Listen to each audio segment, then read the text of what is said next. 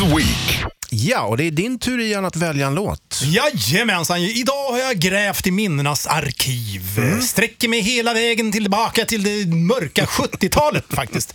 1978 så Oj. fick jag den stora äran att eh, se Queen live med The Man, Freddie Mercury faktiskt. Åh, spännande. Jag är Ja. avundsjuk måste jag säga. Ja, men det tycker jag du kan vara också. För enligt min uppfattning så är Freddie Mercury den bästa frontmannen någonsin genom tiderna. Alltså, det fanns ingen jävel som kunde stå på scen och ta en publik på 150 000 pers och får det att kännas som en klubbspelning på samma sätt som Freddie Mercury. Och jag minns det här äh, introt de hade då till själva konserten.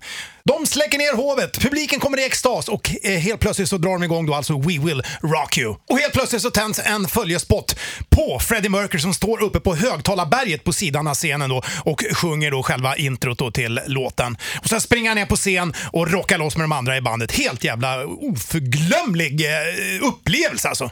Alltså, jag, jag drar mig till minnes när vi spelade med rockklassiker All Star-bandet i Kungsan här nu i slutet av sommaren. Och då körde vi just nämnda låt. Kommer du ihåg det? Ja, just det. Jo, vi körde ju med dubbla trummisar där och jag och den andra trummisen kom ju i någon typ av självgungning där och glömde ju bort tid och rum. Och vi avslutade ju alltså låten då för tidigt så att Pontus Norgren han fick ju inte spela sitt gitarrsolo då. Till hans eh, förvåning och besvikelse. Men eh, jag tycker vi lyssnar på originalversionen eh, med gitarrsolot. Eh, det här är Queen med We Will Rock You i hans Pick of the Week på rockklassiker med tidernas bästa rock. Rockklassiker. Ett poddtips från Podplay. I fallen jag aldrig glömmer djupdyker Hasse Aro i arbetet bakom några av Sveriges mest uppseendeväckande brottsutredningar.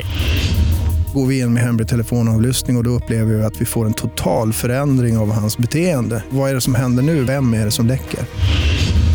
Och så säger han att jag är kriminell, jag har varit kriminell i hela mitt liv men att mörda ett barn, där går min gräns.